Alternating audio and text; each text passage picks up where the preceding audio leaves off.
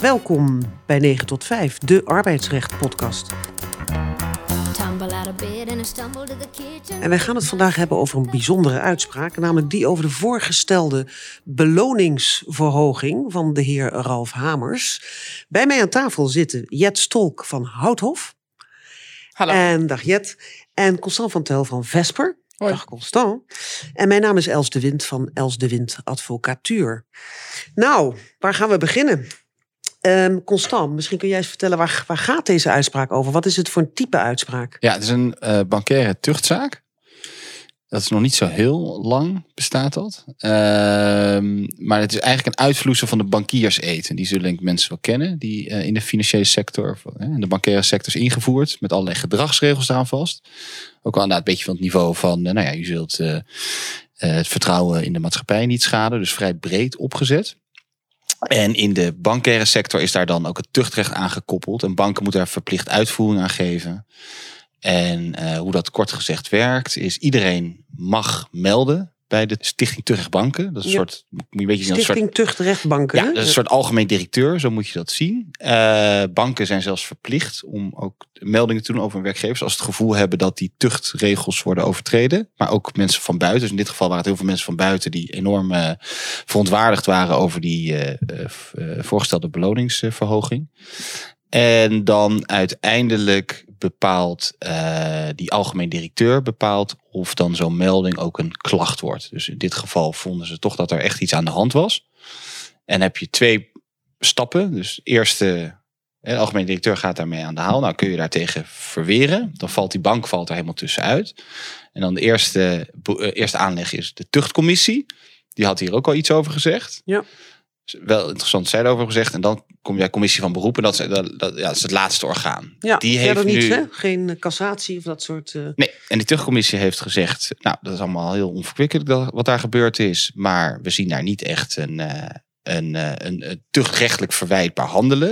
En daar zal Jet zo meteen nog over eh, verder gaan. En die beroepscommissie ziet wel iets, hè, dus die legt echt een, die vindt het de, de klacht van die algemeen directeur, zeg maar, gegrond. En die leggen wel een maatregel op. Ja, we hebben eigenlijk te maken met verschillende partijen. Moeten we even in de gaten houden. We hebben enerzijds natuurlijk de CEO. Ja, En anderzijds hier, doen hier ook commissarissen mee in deze procedure. Dat is wel interessant om straks nog even nader op in te gaan. Die natuurlijk verschillende Ehm, rollen hebben in dat ja, hele verschillende rollen uiteraard. Ja, ja. Ja, Dus op, op, op zich is dat al een interessant punt natuurlijk. Ehm, nog even één ding, Constant. Ehm, er zijn niet zo heel veel interessante tucht, eh tuchtrechtszaken, banken, zou ik maar zeggen, die eh, naar buiten zijn gekomen hè, de afgelopen, nou, hoeveel jaar? Er is een beetje kritiek op. Ja. dat het wat klein bier is. En dat het echt de, de eigenlijk de, ja, de lone wolves, of de bad apples zijn, die eigenlijk ook al door het arbeidstuchtrecht worden aangepakt. Ja, Eh, dus die frauderen, Ja. of rekeninggluurs, of die gewoon gekke dingen hebben gedaan. Dus die werden er sowieso uitgegooid uit een bank. En die krijgen wel eigenlijk nog een ja, schop na, klinkt een beetje gek. Maar nu zie je dus echt dat op hoog niveau, er was ook wel kritiek op, hè, van hey, ja, dit, die beleidsbepalers worden nooit aangepakt. Eh, en nu zie je dus dat er inderdaad op wat hoger niveau eh, ja, toch een maatregel wordt opgelegd. Dus het is best, eh, het is best een, een ding, inderdaad. Eens. ja. En dit raakt natuurlijk wel, hè, wat er hier aan de orde is, raakt natuurlijk het maatschappelijk belang. Ehm, Jet, eh, ik zei al in het begin, het is een bijzondere uitspraak. En misschien kan jij er nader op ingaan, hè, op die bijzonderheden. ja dat, dat kan ik zeker. Ja, Wat je al zei, het gaat hier eh, om drie mensen die worden aangesproken. De CEO zelf en twee commissarissen. Eh, en is de voorzitter van de Raad van Commissarissen. Het was Jeroen van der Veer, denk ik allemaal bekend. eh, oud Shell-topman. Ehm, en ja, wat de commissie van beroep anders doet dan de tuchtcommissie, is dat ze. ehm, kijk, ze gaan die gedragsregels bij langs. En daar heb je denk ik een aantal belangrijke die eruit springen. En de eerste is die norm van: is er integer gehandeld? En daarvan vindt de commissie van beroep, net als de tuchtcommissie, dat, eh, dat er integer is gehandeld, althans niet, niet integer is gehandeld. Dus daar gaat hij nog goed. Eh, dat is gedragsregel 1. En dan vervolgens zit je de tweede deel van diezelfde gedragsregel. En dat gaat over zorgvuldigheid. En daar wordt geoordeeld dat er niet zorgvuldig is gehandeld door hen alle drie. Ehm, en dat zit hem in vier ja, deelaspecten, zou je kunnen zeggen. Allereerst dat er in één keer eh, van 0 naar 50 procent. Want daar, daar hebben we het hier over. Hè. Er werd een voorstel gedaan om zijn uh, vaste salaris met 50 procent te verhogen. Dan weliswaar overigens in vaste aandelen die dan nog vijf jaar moesten worden vastgehouden. Maar toch 50 procent in één klap. Ja, niet in stapjes. Hè? Niet in stapjes. Gebruikelijk is, kun je misschien zeggen. Ja. Nou ja, wat gebruikelijk is. Ja. En dan het negeren van interne waarschuwingen. Want kennelijk toen dit voorstel werd besproken hebben de, onder andere de HR-afdeling intern gezegd: moet je dat nou wel willen? Um, en dan het derde punt is de wetenschap van potentiële risico's. En dan gaat het daar voornamelijk om het strafrechtelijk onderzoek. Wat um, daar al liep. En niet heel veel later, een paar maanden later, is uiteindelijk ook een schikking getroffen met het OM van uh, ruim 675 miljoen euro. En als vierde punt, ja, het ontbreken eigenlijk van, van een analyse of een toets naar of dat voorstel wel uh, ja, een maatschappelijk draagvlak had, zo je wil. Uh, en die vier aspecten samen maken dat de beroepscommissie vindt, of de commissie van beroep moet ik zeggen, hmm. uh, dat die gedragsregels geschonden zijn en dus dat dat een maatregel rechtvaardigt. Hey, ten aanzien van jouw derde punt, Jet. Ja. Um, uh, de wetenschap uh, dat het potentiële risico, uh, of het potentiële risico, hè, dat, dat, wat er uit het strafrechtelijk onderzoek zou komen. Daar was nog een interessant punt wat die commissarissen daarvan vonden. Hè. Die hadden. Niet... Ja, dat vond ik wel heel opvallend in deze uitspraak. Die, die commissarissen die zeggen daar eigenlijk. Ja, god, we wisten natuurlijk dat het onderzoek liep, maar we wisten niet precies wanneer het klaar was. En we wisten ook niet precies wat daar nou uit zou kunnen komen. Uh, ik vind dat eerlijk gezegd best een uh, gevaarlijk verweer, om het zo maar te zeggen, in het kader van deze procedure. Want daarmee zeg je eigenlijk, vind ik, dat in je algemene toezichthoudende taken, ja, je daar misschien eigenlijk wel tekort bent geschoten. Want ik had mogen hopen dat een commissaris tot in de haarvaten zich ook bezig hield met dat onderzoek. Want dat leek me een echte bedreiging voor die bank. Uh, maar dat is, is dat is onderdeel van hun verweer. Constant prudent beleid. Dat de commissarissen beter voorzichtiger hadden of te voorzichtig hadden kunnen zijn.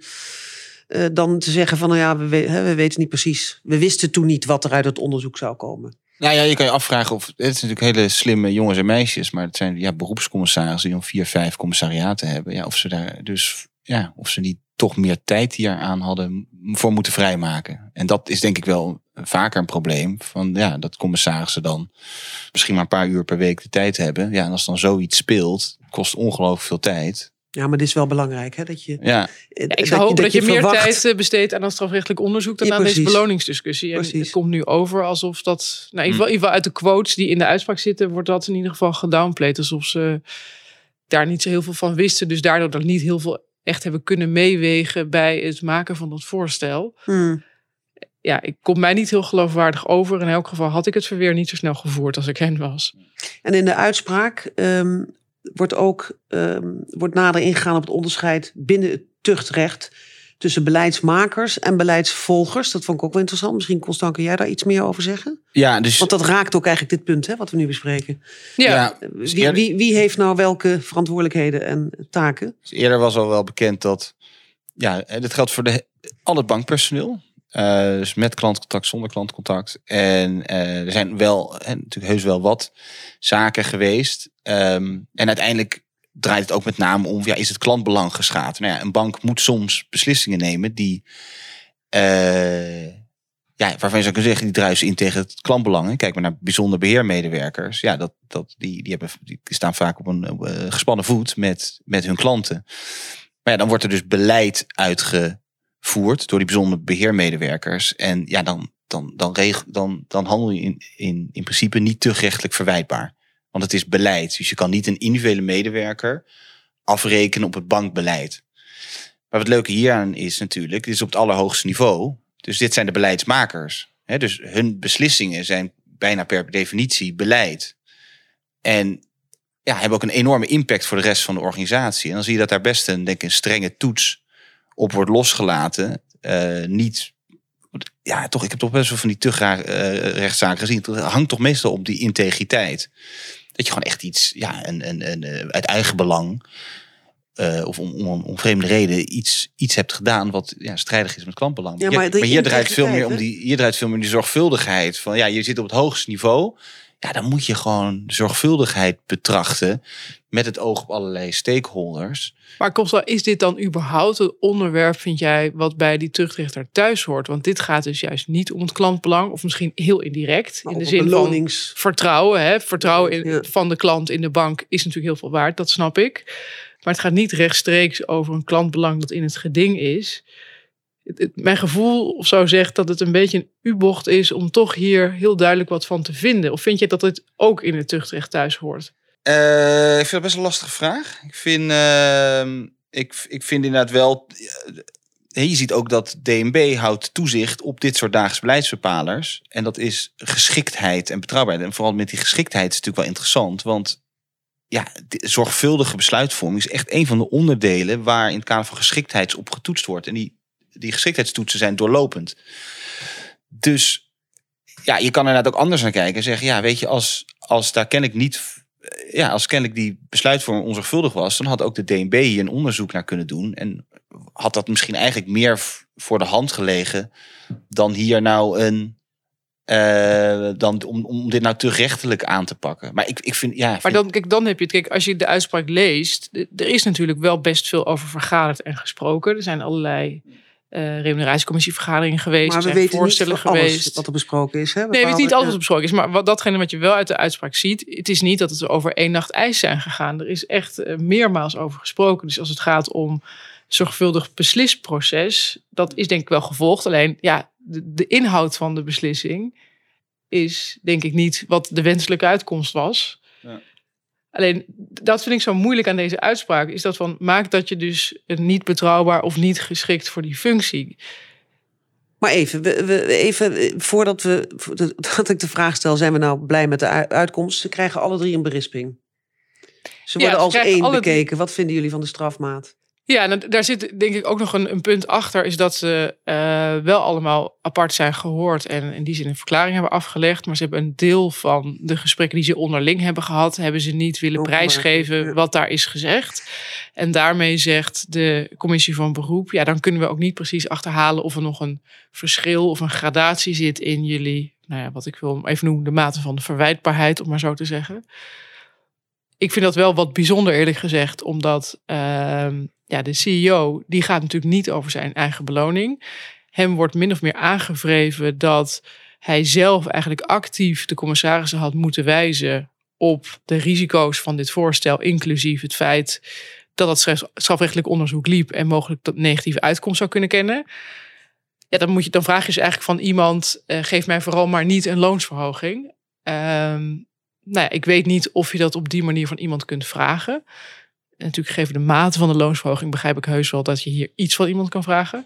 Maar ik zie dan eerlijk gezegd toch wel meer een verwijt als je dat al ziet aan de kant van die commissarissen. Want daar ligt de statutaire en wettelijke bevoegdheid om die beloning toe te kennen en vast te stellen. Ehm, Het is begonnen met het voorstel. En daarna Ja. heeft eh, de heer Hamers geloof ik gezegd, ik, ik hou mij...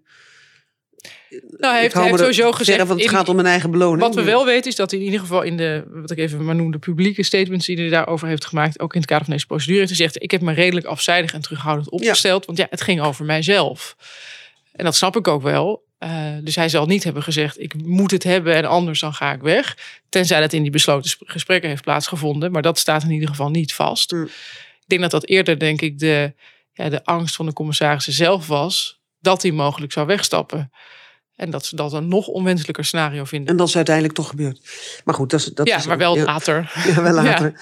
Hey, ehm, gaan wij nou na deze uitspraak meer andere, misschien wat, wat, wat lager gepositioneerde werknemers betreft, gaan we meer uitspraken zien? Tuchtrecht, banken? Of, want Constant, er is natuurlijk ook nog iets, daar schrijf jij wel wat over, ehm, samenloop, tuchtrecht, banken, maar ook arbeidsrecht, wat er van toepassing is, ook op banken. Eh, gaan we nou meer zien of is dit een op zichzelf staand verhaal? Nou, ik, ik ben wel heel benieuwd of, dit, of deze ja, zorgvuldigheidsnorm, die bij mijn weten altijd toch een beetje in verband werd gebracht met integer, integer zorgvuldig, maar nu wordt echt die zorgvuldigheidsnorm uitgetrokken. Of we dat gaan zien, lijkt mij toch wel een lagere drempel dan, eh, dan integriteit. En ja, ik denk wel dat dat echt voor beleidsmakers zou moeten gelden. Ehm, van beleidsmakers kan je een, een, een, een, zee- een redelijke mate van zorg verwachten voor ook vanwege de impact van een beleidsbeslissing. En meer denk ik dan voor een reguliere medewerker. Maar ik, ja, dat weet ik niet precies. Ja, maar het, gaat, het zal in ieder geval niet gaan over beloning. Dus jij bent Nee, misschien bang, aanhalingstekens, dat, Hmm. de, dat die zorgvuldigheidsnorm ook eh, in de, in- Breder gaat. breder wordt getrokken in het licht van, van anders handelen. Zoals inderdaad die glurende bankmedewerker in de afschriften van zijn ex, zeg maar. Ja, Ja, dat zijn een ander soort zaken. hè. Is een ander soort zaken. Maar we hebben natuurlijk ook buiten de banken hebben ook wel het nodige eh, in de krant gelezen over beloning. Hè, kijk maar even wat er bij Philips gebeurt. De- Daar kunnen we nu niet te lang bij stilstaan. Maar het is wel een beetje een uitspraak die, die van belang is in de tijdgeest. Hè? We leven. Ja, wat- maar ja. ik denk wel dat je als, als ja, raad van commissarissen en ja, zie- het bestuurs van een bank ja, wel, wel even een soort stappenplannetje moet maken. Als je komt tot een eh, beloningsverhoging of een, een grote, vrij riante vertrekvergoeding of iets dergelijks. Wat, wat, mogelijk, eh, wat mogelijk de pers kan raken. Ja, dan moet je denk ik wel eh, erg goed je een soort dossier vaststellen. En, en, en, en, en, Maar ik- ze hebben hier natuurlijk ook gedacht, waar we het hier, voordat we de podcast opnamen ook al even over hadden, is dat hij had al een aantal jaar niet een verhoging gehad natuurlijk. En, en de inschatting van de commissaris was, ja, dan doen we het gewoon nu in één keer. Ook juist denk ik ook wel met hè, de publiciteit dan maar in één keer Ja. over ons heen. Maar hadden we de pijn weg kunnen nemen door, eh, of de raad van commissarissen dan, door beter te communiceren hè, op dit punt, Jet? Ja, misschien wel. Dat is natuurlijk altijd heel makkelijk praten vanaf de zijlijn. Want ik weet niet wat daar allemaal aan voorbereiding is gedaan. Maar in elk geval waren de interne gelederen van de bank het er ook niet mee eens. En als je die feedback en die weerstand al intern opgeroepen krijgt, dan zou ik hopen dat het dat je communicatiestrategie nog wel even twintig keer beter is voorbereid. Alleen de vraag is met dit onderwerp, het is zo maatschappelijk gevoelig, Ja. dat had alsnog kunnen opblazen. Dus ik weet ook niet ehm, of het daarna lag. Ik denk dat het toch eerder echt gaat om de inhoud van het voorstel en ja, het abrupte van nul naar alles, zeg maar. Nou, even terugkomend op jouw punt, Constant. Jij zegt, eh, eh, de raad van commissarissen zou zich achter de oren moeten krabben en dit is even goed moeten lezen. Eh, met name dan bij banken. Maar als je nou kijkt naar die punten Jet, die jij net opsomde, hè, de, wat betreft de strafmaat. ja. Als ik dan kijk, en dan vind ik dat inderdaad een goede tip, Constant. Als ik dan kijk naar het tweede, hè, dat je goed moet kunnen analyseren of goed moet kijken of, of er ernstige beroering zou kunnen komen hè, over zo'n voorstel. Maar ook die laatste. ehm, dat je toch een analyse zou moeten maken voordat je het voorstel doet, zou ik dan zeggen. Van of er maatschappelijk draagvlak is. Ja, ze hebben een soort van enquête Eh, moeten dus uitsturen. dat precies. ja. nou, nou, niet, niet een enquête, maar daar schort het misschien hier aan. Dat is ook makkelijk praten als je niet alle feiten en omstandigheden kent natuurlijk. Nee. Maar goed, ehm, Nee, maar de, de- ook de, de vraag daarvoor is, dat zie je natuurlijk ook in de nieuwe wetgeving rondom beloningen, is waar ook natuurlijk heel duidelijk wordt gezegd, je moet je rekenschap geven van je maatschappelijke positie. Het is heel moeilijk om dat natuurlijk praktisch en feitelijk en kwantitatief invulling te geven. Ja. Dus ik heb het in die zin ook alweer te doen met die raden van commissarissen. Eh, ja, hoe, hoe doe je dat dan? Dus ergens is het ook wel een beetje, je kan het nooit goed doen. Maar hier zijn ze in ieder geval wat uit de bocht gevlogen. ja, maar je kan het wel beter doen. Je hoeft het niet altijd helemaal goed Nee, te dat is doen. waar. Dat is waar. Ehm, nog één punt, Constant. Eh, samenloop, ehm, dat tuchtrecht met toezichtrecht en arbeidsrecht. Ja, dat, Wil je daar nog wat over zeggen? En ik was Ja, ik melding tuchtrecht werkgever en, en, en een vaststellingsovereenkomst bij einde dienstverband. Die Nou, ik ook wel wat, ik, wat interessant. ik interessant vind is dat eh, dat, dat dat tuchtrecht... Ja, ik mis toch een beetje een afbakening met het arbeidsrecht. En dat is dan misschien niet hier op het allerhoogste niveau... maar wel op het niveau van eh, ja, wat eh reguliere bank, bankpersoneel... Ja, die worden er eh, behoorlijk hard eh, uitgeknikkerd. En dan eh, moeten ze toch nog even verantwoorden voor tuchtloket. Kan enorm lang duren, die doorlooptijden. En dan krijg je ook nog eens een beroepsverbod. Eh, ja, terwijl sommige van die tuchtzaken, ja, die, die, die, die, die kom je ook in andere sectoren tegen. Hè. Er gaat dan eh, de- Ja. bedrijfsgevoelige informatie meenemen. Dus ik zie ook niet per se waarom dan dat klantbelang enorm geschaad wordt. Dus wat dan de toegevoegde waarde is van dat tuchtrecht ten opzichte van het, ja, ik noem het maar het arbeidstuchtrecht. Tuchtrecht is natuurlijk ooit ontstaan voor zelfstandige beroepsbeoefenaren die die natuurlijk geen verantwoording hoeft af te leggen. Maar zo'n bankaire setting heb je dat minder. En op dit niveau speelt ook nog eens dus DNB mee, die ook nog eens kijkt van nou, of je je wel als dagelijks beleidsbepaler geschikt. eh En dat gaat er geschikt- best serieus aan toe. ja, gaat hartstikke serieus Ja. toe. Dus dan denk ik, ja, dan heb je ik, ik vraag me een beetje, ik zie nog niet helemaal in waar dat tuchtrecht dan zijn eigen positie, waar, nou ja, waar, ja, waar, uh, waar de toegevoegde waarde zit misschien ook wel. Zou het moeten verdwijnen, denk je? Dat dat anders opgelost moet worden? Nou, daar vind ik nog te vroeg voor. Maar ik vind wel dat er kritisch naar gekeken moet worden. Ik vind die cumulatie van sancties vind ik wel heftig, ja. En wat, wat met die uh, einde dienstverband overeenkomst, schiktingsovereenkomst, wat zou je daar dan nou, is grappig. Je hebt, je, hebt, je hebt een aantal zaken waarin je ziet dat dus iemand eerst wordt ontslagen. En dan staat er een standaard bepaling in. Partij zoals niet negatief over elkaar uitlaten. En dan denkt die bank achteraf nog even: oh, we moeten ook nog een melding doen. Ja, dan, heb je, dan kan je een probleem hebben. Want dan schendt je de vastingsovereenkomst. Dan ben je schadeplichtig. Dus dat is meer een praktijkding waar je op moet letten. Praktisch tipje, daar sluiten we dan mee af. En leest u vooral de uitspraak uh, eh, 42,5 pagina lang. Nou, dan zijn we tot het einde gekomen van deze podcast. Uh, dankjewel Jet Stolk en Constant van Twel. Uh, dank u wel voor het luisteren. Kijkt u vooral op onze website 9 tot 5 podcast.nl voor onze volgende podcasts en voor, het, uh, voor de documenten die we daarop plaatsen. Tot de volgende keer.